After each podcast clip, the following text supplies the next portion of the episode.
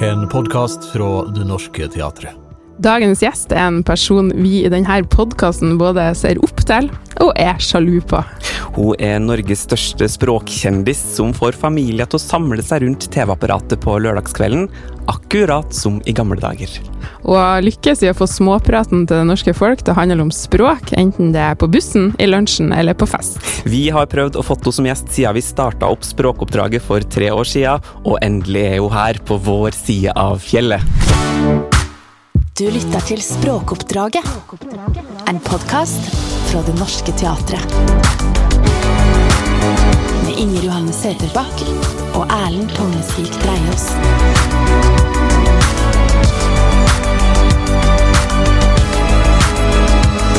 Velkommen til språkoppdraget, Linda Eide! Tusen takk for en intro!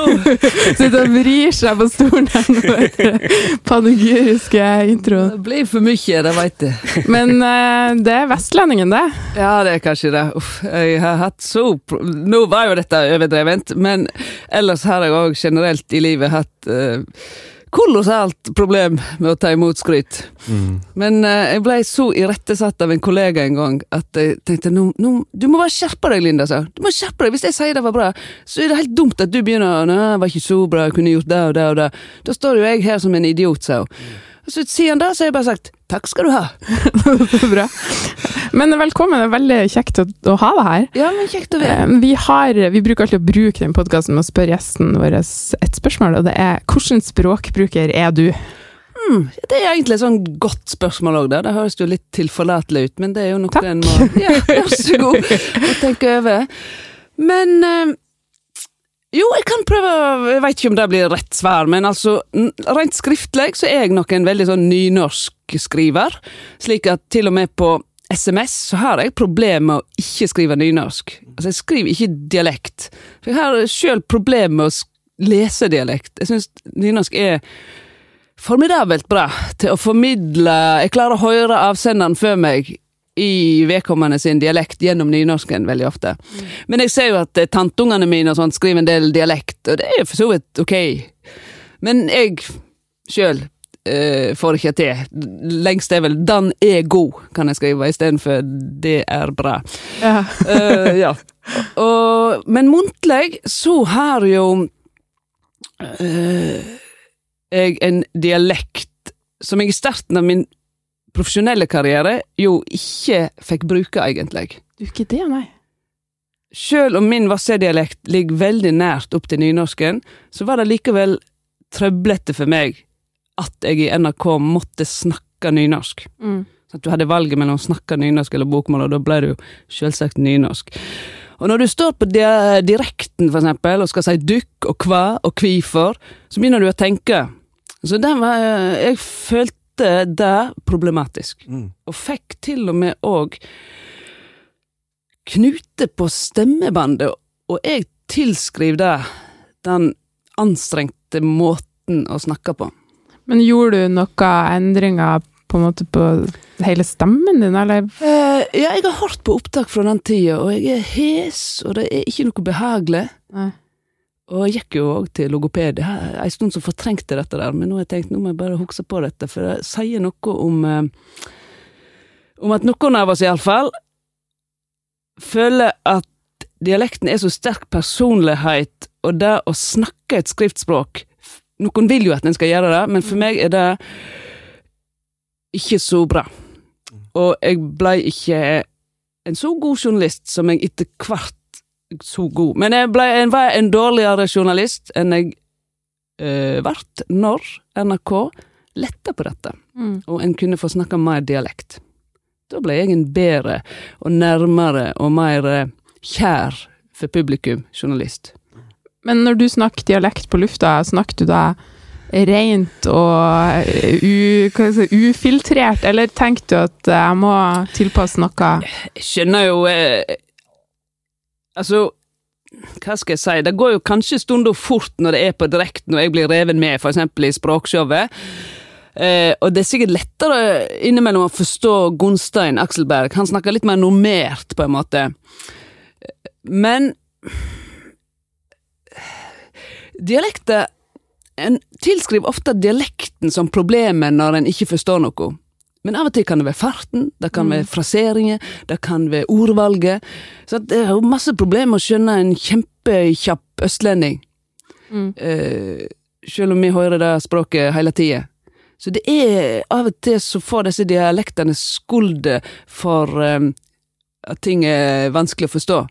Urettmessig. Mm. Det er rett og slett eh, måten en formidler på. Mm. Men da skjønner jeg at det er dialektene som er ditt eh, fremste varemerke, egentlig, da. Ja, og det er litt rart, for jeg er jo så glad i nynorsk, og jeg er jo så engstelig for at nynorsken skal få enda hardere kår. Men det muntlige er jo så nært hjertet og eh, personligdommen, sant, at det, det ligger jo kanskje hakket foran skriftspråket Mm. i, eh, i å måtte tape noe og forstille seg. Hvis jeg skulle snakke bokmål, så var det verre enn å skrive bokmål, antakelig. Hvis du skjønner. Ja, det vil jeg tro. Men um, Ja. Men nynorsken òg er et veldig sånn uh, identitetsting. Men òg et kjempegodt språk. Mm. Hva er det beste med nynorsk? Ja, hva er det beste med nynorsk? Nå skal jeg til og med holde et foredrag for lærere som skal da undervise i nynorsk som sidemål i uh, Oslo-skolen om ikke så altfor lenge, så da må jeg forberede meg på akkurat et sånt spørsmål. Ja.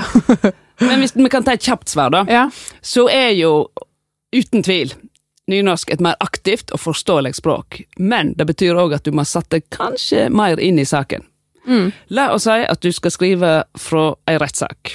Da kan du på bokmål skrive 'Det ble begått kriminalitet'. Omtrent. Mm. Men på nynorsk da må du skrive 'Kåre rana banken'. ja, sant. Omtrent. Der ligger, der ligger eh, litt forskjell. Vi, eh, vi mimra litt uh, før vi gikk på lufta her, og da jeg var på radiokurs med deg for nesten 20 år siden, og da husker jeg vi hadde sånne oppgaver basert på de her, de her som de ark sikkerhetsarkene som ligger på flyet. Safety instructions. Ja, så der vi drev og forenkla det, hva det egentlig handler om. Men det ble litt brutalt, husker jeg, når vi forenkla det for mye, for da fikk du på en måte faresituasjonen Ja. rett i fleisen. Og det handler jo òg en del om at vi omskriver veldig mye, og det er nå både på nynorsk og bokmål, men det er enklere å omskrive, lage sånne eufemismer og forskjønnende eh, uttrykk på bokmål. Sant? uh, dersom en nødsituasjon skulle oppstå Hvis du sitter i et fly, hva er en nødsituasjon? Det er jo dersom flyet styrter fra 30 000 fot. Ja. Og så kan du bare fortsette, sant? Ta først på deg uh, Ta først redningsvesten, på, eller denne maska på deg selv, og så Nei, på barnet, og så på deg selv. Ja, så Parentesen er jo at det er jo så kaos i det flyet som skal styrte, at om du får ned den maska Men det handler mer om hvordan vi bruker språket til å beskytte oss mot å se noe for oss. Og Det er jo en annen sak ved språk, og det er uavhengig av eh, nynorsk og bokmål og andre altså, språk. Det, det er måten vi bruker språket på. Sånn New Publish Management-språk har jo nesten som en slags mål at du ikke skal se noe som helst for deg, Mm. og at du skal sovne etter tre sekunder. Sov, sovn og samtykke. Ja, altså det, det er egentlig en av mine største kjepphester, merker jeg etter hvert. Og det ligger liksom litt onde i språkskjøv òg. At du har mange måter å bruke språk på. For meg er det ikke så avgjørende om du setter feil komma eller skriver to ender på invitasjon. Det er mye verre at du begynner å omskrive ting, slik at du ikke kan gjenkjenne det. Når hun som vasker hotellrommet ditt, eller han som vasker hotellrommet ditt, har skilt 'romstylist'. det, det går litt for langt. Ja, hvis du skjønner. Men Hva er grunnen til at språket har tatt den utviklinga, tenker du? Nei, det er litt ubegripelig. Men det er vel kanskje noe med at vi setter alt inn i en slags sånn forretningsmodell. Absolutt alle områder i samfunnet har en sånn forretningsmodell. Selv om vi ikke driver forretning, til og med helsevesenet, som skal drive service, driver en slags forretning. Mm.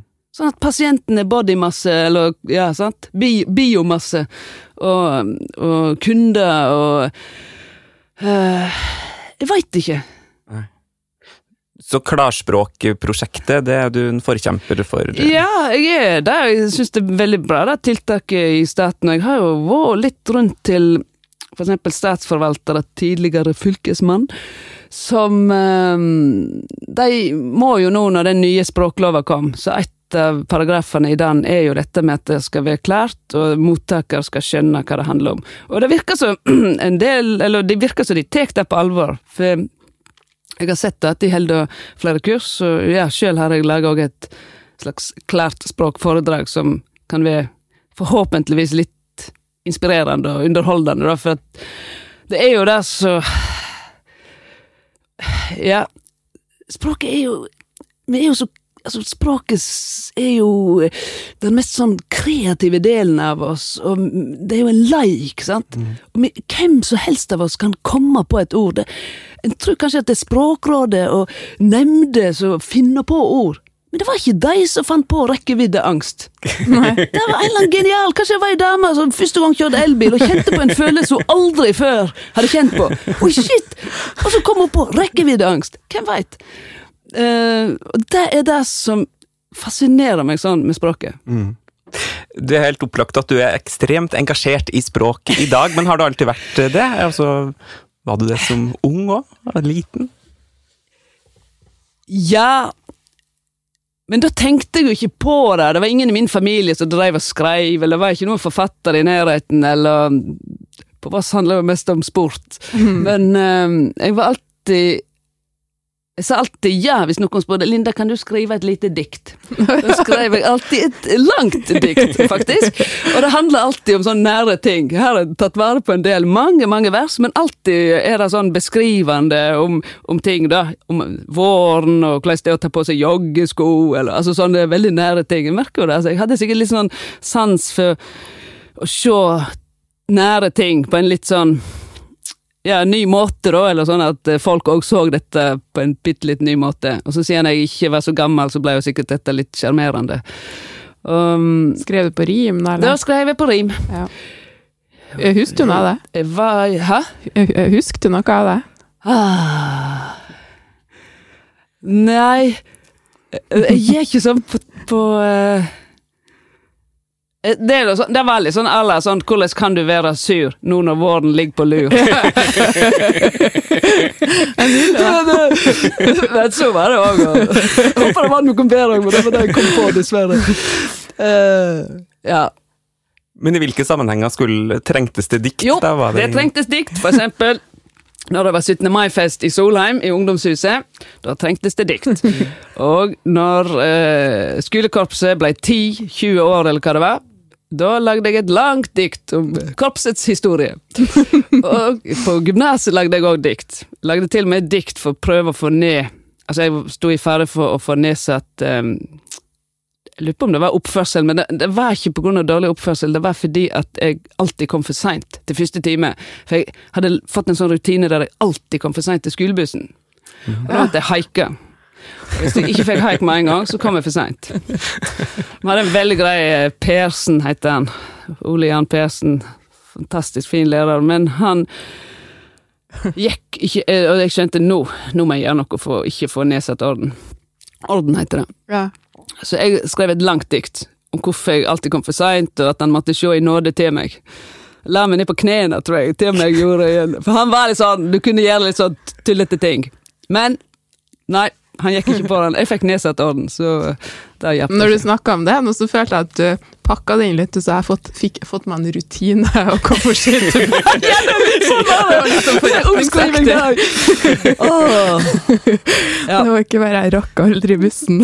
Rakk aldri bussen. Ja, men du får, du, du får det inn i kroppen, Ja. akkurat denne minuttet som er feil der. Så, For å si det sånn, jeg fikk nesten orden sjøl pga. at jeg alltid kom for sent på skolen. Det For det, det er bare noe Man kan ikke liksom kaste bort livet sitt på å komme Kom for tidlig, så Nei. da kommer vi for sent. Ja. Og opplevde en del ting med haikere og sånn, og, så jeg fikk jo litt innblikk i livet når jeg kom for seint til bussen. Men du var, du var en del av det litterære miljøet på Voss, da, skjønner jeg, i ung alder. Nei, nei, eh, ja, jeg, det var nok sånn oi, halv tale og 17. mai-tale og sånt. Det gjorde jeg. Jeg var litt sånn ung, så dette kom jo i avisa da, på Bjørgom skole. Det var jo første gang at noen som var ikke hukste krigen skulle holde en tale. Så Ja, ja. det var jo oppsiktsvekkende. Øh, men jeg tenkte ikke så mye mer på det, men så um, begynte jeg å skrive i uh, ei lokalavise, og det var nå litt sånn på slump. Men derfor kom jeg inn på Journalisthøgskolen i Oslo. Ja. Så jeg tenkte jeg skulle bli en skrivende journalist. Men det var der mitt sånt første møte med Hæ? Kan jeg ikke skrive nynorsk overalt? Er det mulig? Uh, er det et problem? Det var et problem. Mm. Plutselig var det språket jeg helt opplagt hadde brukt hele livet. Jeg hadde til og med vært sånn Hæ, trenger vi et mållag? Jeg var egentlig ganske irritert på det der Noregs mållag, som skulle liksom Jeg alltid var opptatt av at det skulle stå Noreg på 50-lappen, og fanatikere, tenkte jeg inn i hodet mitt. Faktisk.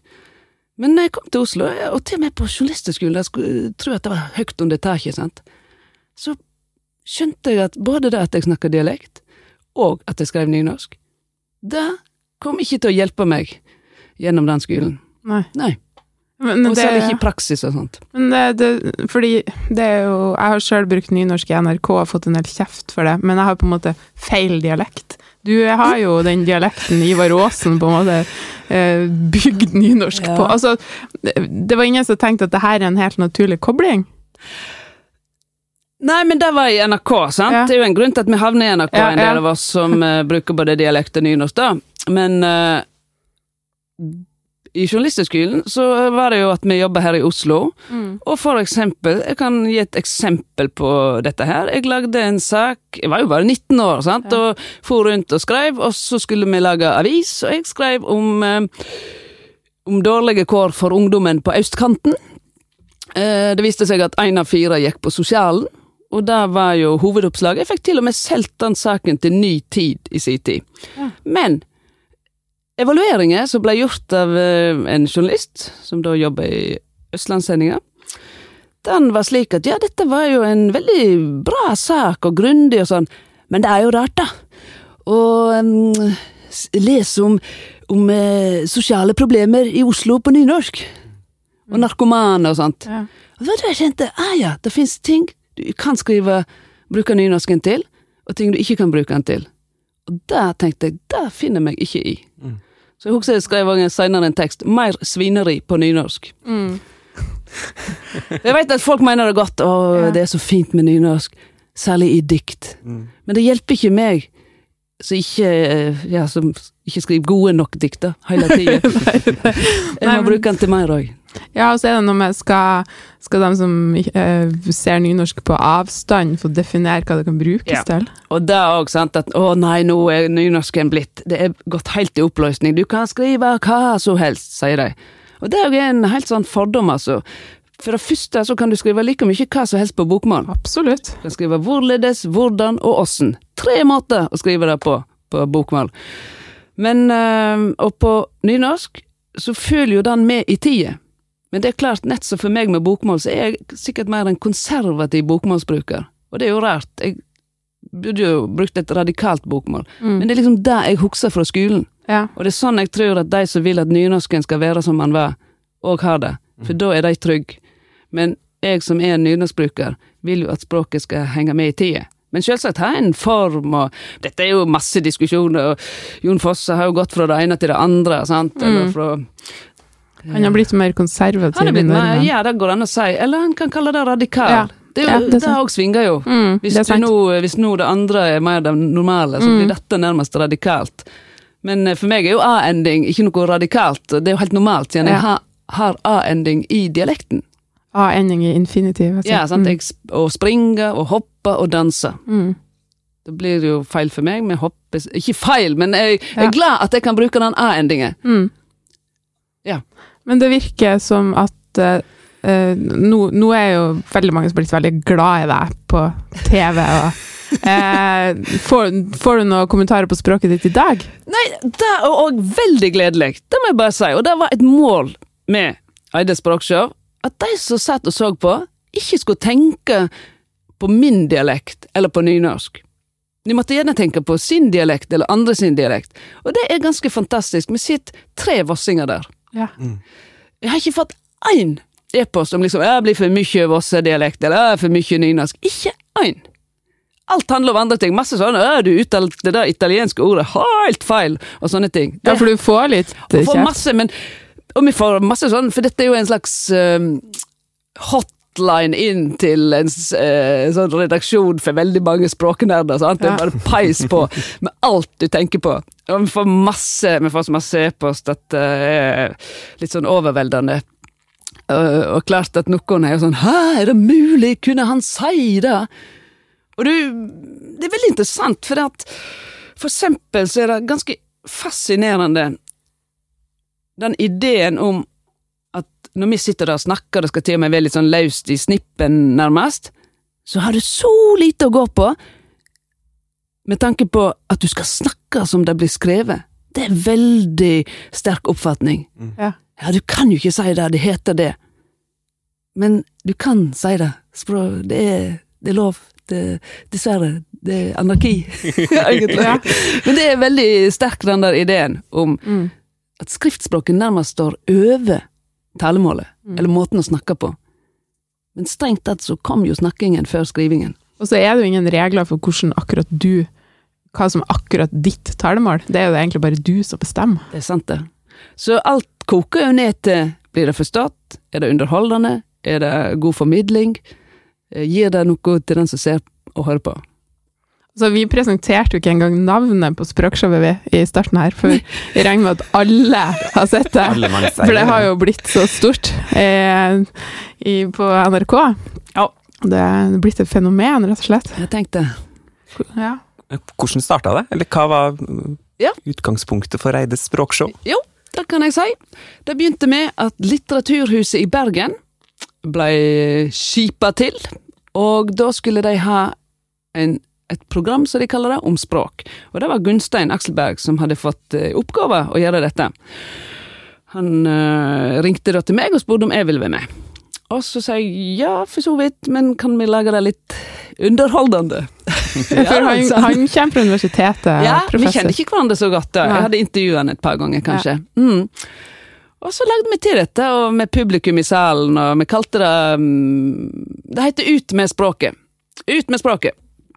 Og Ok, så- det, nå ble vi litt fnisete, for at du skjønner, vi fikk en genial idé her for tre år siden, jeg og Erlend, at vi skulle starte et sånt show her på teatret som skulle hete Ut med språket. ja, tittelen! Og så var det sånn Oi, nei, noen har tatt det før ja, nå vet jeg jo at radioprogram bruker den tittelen. Men det er nå så, for da står jeg med en slags sånn plakat med, mot han, da. Ja. Så det står pang på, og så gir han sånn opp med hendene, sant, som om han blir arrestert, og så ut med språket! Ja. Syns det var litt skøy. Ja. Men eh, Og, for, og som, og publikum er med og roper dette her og sånn. Og dette har vært veldig sånn uh, populært. Og så tenkte jeg uh, Søren òg, det er jo noe her, altså. Kan en, uh, Av og til hadde vi med Sjur Hjeltnes også på piano, med alltid julespesial, var litt sånn spesiell, og vi hadde alltid en gjest. Mm. Um, og ja, så tenkte jeg nå Kanskje jeg skal prøve dette på fjernsyn. Jeg hadde aldri gjort noe sånt på fjernsyn, sånn à la sånn eh, talkshow. Men eh, Så jeg begynte å jobbe og tok film og lagde pitcher, ja, sånn som en må gjøre for å fremme sin idé da på TV. Så det gjorde jeg. Og da fikk jeg ja til slutt. Og nå har jeg hatt så gode folk rundt. Halvor Folgerød er jo en veldig viktig eh, seniorkonsulent, som vi kaller han, men det er liksom meg og han som knekker ut disse programmene, da. Og så kobler vi inn uh, Sjur Hjeltnes og mm, professor Gunstein Akselberg. Og så har vi jo kjørt et veldig bra sånn eh, lagarbeid med fotografer og produsenter og sånn, når det står på Ja. de dagene vi tar opp. Det virker jo som dere har det veldig kjekt. Veldig kjekt, og det er en så bonus å få snakke med så masse flotte gjester, altså.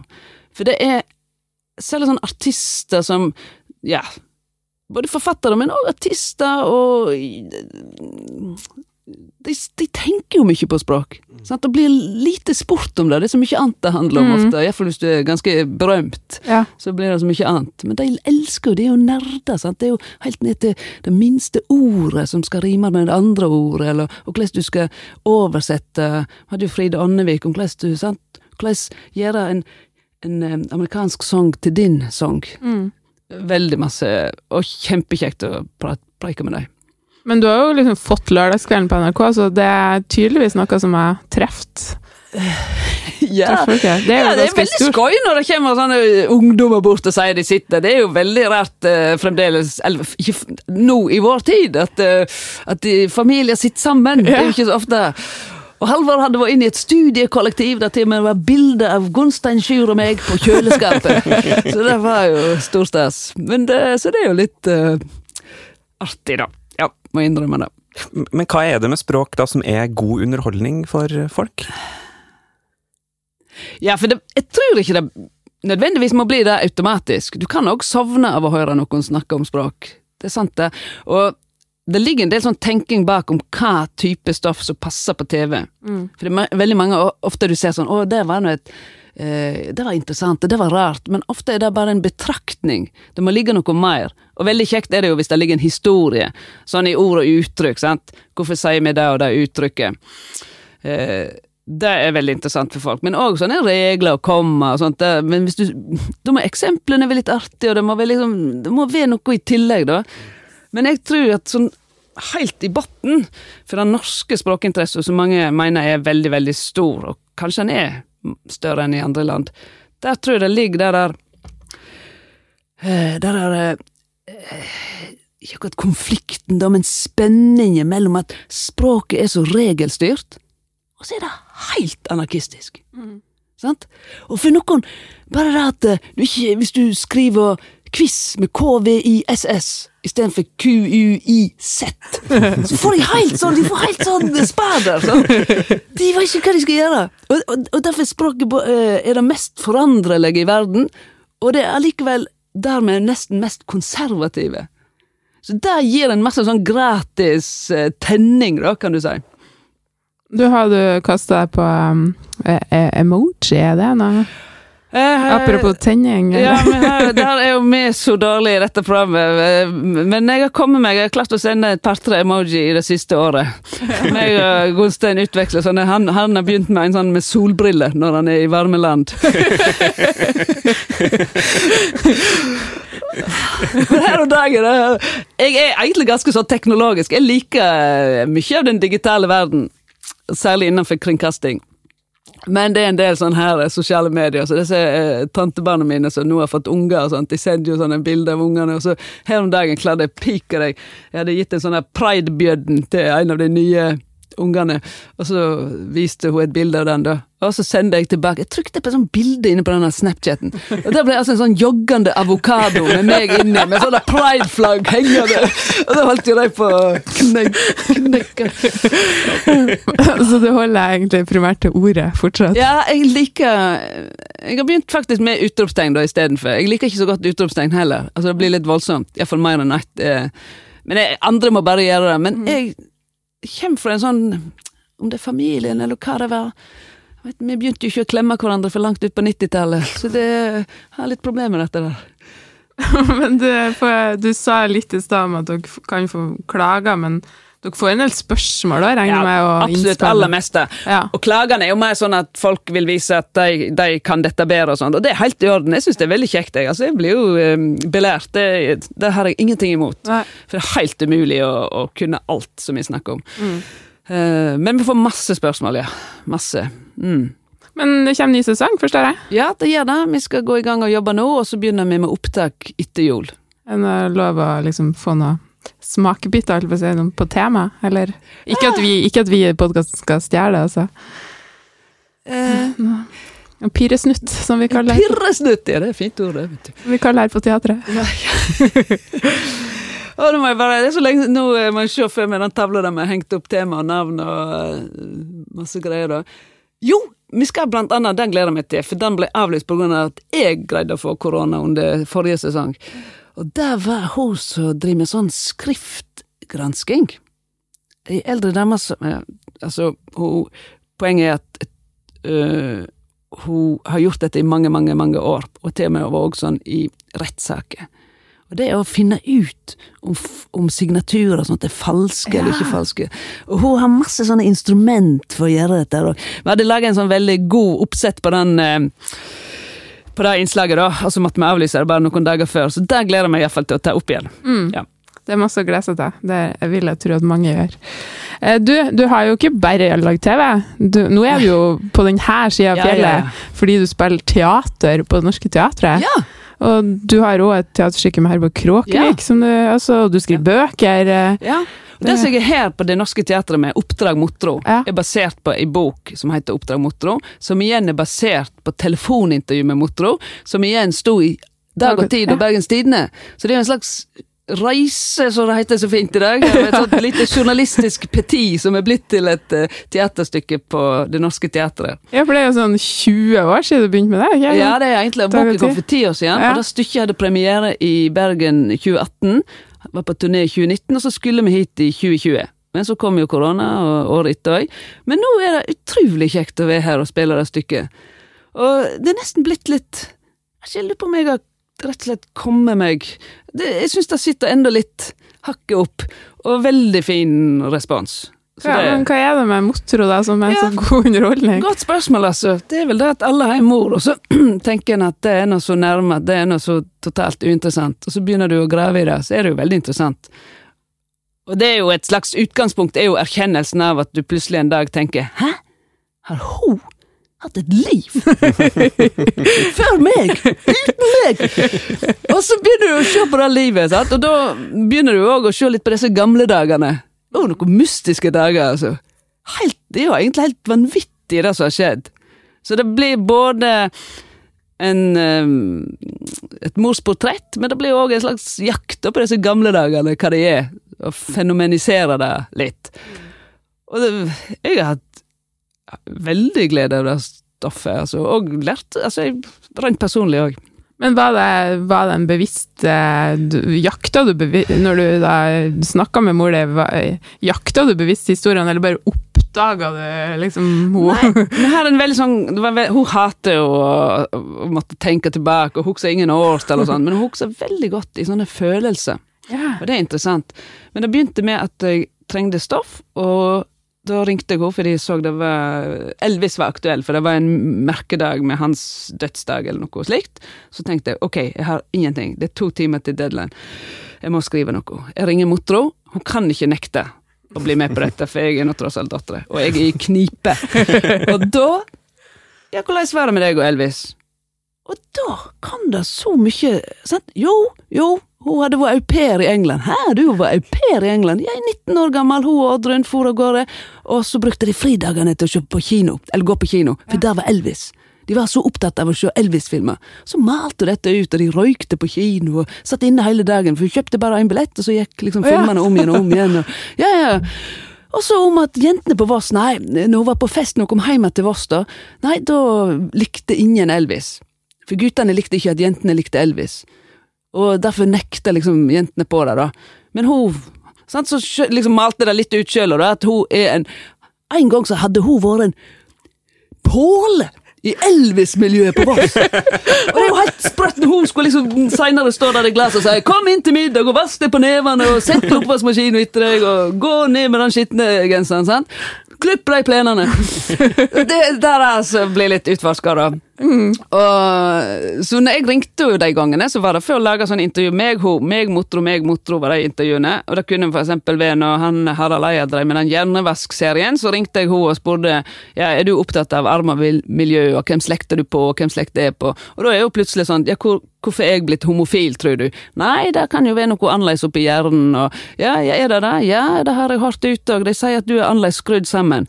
Og så hæ, du, du er ikke ute blant folk? Jo, jeg er ute blant folk. Og så eh, Ja, du veit. Så jeg tror folk liksom kjenner jo mye igjen, og så kan en òg bli litt sånn nesten overraska over at du Oi, ja, dette, dette livet her har jeg jo faktisk vært med på, jeg òg. Og, og så kan de yngre tenke ja, kanskje jeg skal Ja, søren, du. eh, Far og mor de har jo hatt et liv før meg. Pikk deg, hva gjorde jeg da? Det er jo en slags viktig på, påminner, egentlig, at uh, når man stiller, stiller litt åpne spørsmålene til Ja, folk som en alt, tar litt for gitt. ja. og det kan også, kanskje òg være litt konkrete. ja, Fordi at hvis de er for åpne, så kan de velge hva de vil snakke om. sant. Men hvis du Og telefon er genialt. Og Motor har jo sånn bakkelitt-telefon med svei, sånn sveiv... Ja, ja. Ja. Den har vært siden 1967. Så hun må sitte pal. Og når de sitter i telefon, så kan de heller ikke overlate til kroppsspråket, sant. Og da må hun svare. ordentlig. Så jeg har litt tro på sånn ganske konkrete intervju, Mm. tematiske, ikke for mye om gangen, og så må de svære. Men pågår det fortsatt, holdt jeg på å si? Nei, jeg lovde etter den boka, så da lovde vi hverandre aldri mer. Hun var lei. Men Motro har jo blitt litt kjendis nesten, da, og nå har hun blitt Ja. portrettert både på scenen og i bok. Og Ja, hun har da. Er hun Så- fornøyd med det, eller? Ja, hun, eh, hun lever med det, men hun er Og det tror jeg derfor òg det er litt bra, eller har gått bra, for hun er så lite oppmerksomhetskåt som det går an å bli, på sett og vis. Motro ble vært aller influenser. Hun kunne jo utnytta det her. Ja, det har hun ikke gjort. Men hva kommer du fram til deg i denne framsyninga? Ah, jo, jeg kommer fram til, etter alle intervju, etter alle tanker, og etter alt jeg ser, hun hun for til sjøs, men så ble hun husmor. Altså, at hun har vært ute etter Hun har fått oppleve det hun har vært i posisjon til, på sett og vis. Og det har hun eh, utnytta så godt hun kan. Og så kommer jeg egentlig fram til òg at jeg eh, blir mer og mer Jeg digger henne, da. Det er Ja. avslutningen litt. At jeg Mange ting med henne jeg eh, skulle likt å hatt sjøl. Hun har en veldig sånn dedikasjon, men hun driter i hva andre hun, hun, De fineste blomstene hun får fram, hun er helt enormt flink med hage, de er bak huset. Altså, hun har ingen sånn show-off-trong. Og også at hun en eller annen sånn, Hun er ikke politisk korrekt engang, men hennes måte å tenke om verden på er i dag korrekt. Sånn, Mm. hun syns det er helt grusomt når matjord forsvinner, for hun vet hvor lang tid det tar å opparbeide matjord. Men det, det er ikke fordi at det har stått i avisa. Um, ja, hun tar vare på ting. Bilen vi hadde, varte i 33 år, Mm. Volvoen. Telefonen varte hele tida, fargefjernsynet. Badevekta hun veg seg på i dag, er den samme som hun våg seg på da Kennedy var president. det er en setning fra stykket, da. Så um, Ja, sånn er det. Eh, Det er jo også jakta på gamle dager. Ja. Språklig, har du, gjør du noen oppdagelser der? Altså at språket har endra seg noe? Du vet du har en historie om, om telegram Ja. Ja. Det er veldig Det er så interessant å se disse telegrammene. Fatter'n var jo sjømann, så derfor var det jo slik at eh, når eh, de to første ungene, mine store brødre, eh, ble født, så kom det jo, gikk det ut telegram til sjøs. Og så kom det hjem et telegram når broren min for eksempel var ett år. Sånn, 'Til lykke med dagen'. Ingen utropstegn i det telegrammet for øvrig, bare noen få ord. Og det som gikk ut når Terjen var født, min eldste bror, det er så bra, for da står det sånn, det er jo fra Voss fylkessykehus, da. Og så står det sånn Vår sønn ankom i dag klokka 12.42. Alt vel med mor og barn. Så sånn, Vår sønn ankom Og på bokmål! Ja, ja. Fra Foss fylkessykehus! Det var et klart brudd på mållova. Men uh, vår sønn ankom i dag klokka 12.42. Så sier jeg liksom Det høres ut som Terjen har kommet med toget. Det er så enkelt, sant? Ja. Men eh, ja, så eh, og, Så den, den knappheten i språket Men det er jo telegramspråket, da. Jeg regner ikke med at alt var slikt. Men jeg vet ikke om de òg tenker sånn, når du hører eldre opptak Snakker de sånn, eller er de tilgjort for mikrofon, eller Men de sier jo det at for eksempel farten i snakkingen vår, det er jo forska på, den har jo auka. Mm. Så det er nok sikkert litt korrekt at de eh, snakka litt seinere før. Mm. Og selvsagt litt mer formelt, så det var jo ikke du-form eh, i, det i det offentlige nødvendigvis, sant. Og eh, Ja, man språker kanskje litt i møte med noe som Altså eh, knota litt, eller snakka litt finere i møte med fremmede, eller Ja, og jeg veit jo, men dette er ikke med i forestillingen, altså, men la oss si når Motro reiste til byen, altså til Bergen, fra Voss, kom inn i en butikk der, sant, og sa jeg vil eh, kjøpe ei brok. visste jo, visste jo godt eh, hun bak disken hva ei brok var, Ja. men da var det veldig bra, eh, viktig for henne å si hva sa de, sa de? mm. Hva sa de, sa de? Ei brok. Ja, hva, ja, hva skal de ha, sa de? Helt til hun Motro måtte si bukse. Ja. Sant? Og det er jo en slags sånn makt. Eh, hun som sto i butikken, kom kanskje fra Laksevåg og var kua av de på Kalfaret igjen. Ja. Og sånne ting. Det er en sånn- litt sånn ond sirkel, det der. Ja, du blir eh, din egen fiende, på en måte, da. Mm. Når du ikke forsoner deg med at Eller når, når, når det, det handler om status. Når dialekter plutselig handler om du er god eller dårlig, eller rik eller fattig, eller bonde eller forretningsdrivende. Mm. Men det er jo kanskje også en endring fra før, da. At før så var det nettopp høytid å snakke på TV eller å uttale seg i avisene. At det var mer et formelt medium. Mens i dag kan jo hvem som helst starte en podkast eller skrive en blogg. Som, også, eksempel ja. som eksempel på det, som gjør også at det er mer mangfold kanskje av ulike Absolutt. dialekter. og Absolutt. Det var jo en blir jo så Det er jo veldig bra, egentlig. Også vi hadde Kari Bremnes som gjest i Språkshowet. Og det var så interessant, for hun sa litt det samme som jeg hadde da jeg var liten. Når hun hørte nordlendinger, når hun, hørte noen med sin egen dialekt på radio, hun skamma seg. Åh, må du snakke så breit? Og det husker jeg og tenkte. må du snakke så breit? Du skjemmer oss ut på radio. Sant? Og så snur det til at det er det vi vil ha. Mm. At Halvdan Sivertsen han også snakket om dette. Han måtte snakke en slags riksmål hjemme, og så var det bodde dialekt ute. Og De to første platene hans var jo på riksmål. Og så kom han på dialekt, og så ble han folkeeier. Mm. Så det syns jeg gir jo veldig sånn Nå er Vossamål på NRK på lørdagskveldene, Sant? Det er det. Litt ulike Vossamål òg. Jeg Ja. har jo et litt bredere, for jeg kommer fra periferien, utenfor Vangen. Mens Gunstein og Sjur kommer fra Vangen, så de skarrer på r-en. Ja, siden uh, Vassaband kom litt før Bergensbanen, så da kom vassingene opp på Vangen og tok med seg skarreren til Vangen, rundt 1880 antakelig. Men de nådde ikke opp på Dalsleitet, der som jeg kommer ifra. Jeg lærte en nytt i dag om Vossamål. Eh, du Erlend eh, sa en veldig morsom ting her en dag, eh, som jeg stjeler fra deg nå. Du spurte hvem hadde Linda Eide vært hvis hun var fra Moss og ikke fra Voss? Hadde Altså, med tanke på dialekt og identitet Jeg syns Østfold-dialekt er dritstilig, da. Så jeg hadde vel sikkert visst jeg Men der må du kanskje være enda mer bevisst, sant, for den uh, har enda større press fra Mm. området nær byområdet og sånt, eller ja, generelle Østlandet. Men eh, hvem hadde vært, ja? Altså, hvem tror du altså, hvor, Det handler litt om Ja. hvor viktig dialekten er, eller hva det er. Ja, jeg hadde jo skri sikkert skrevet bokmål, da, sant? Mm. Så hvor hadde det vært med bokmål? Det er jo sånn som en kan våkne opp av et slags mareritt. jeg skriver jeg!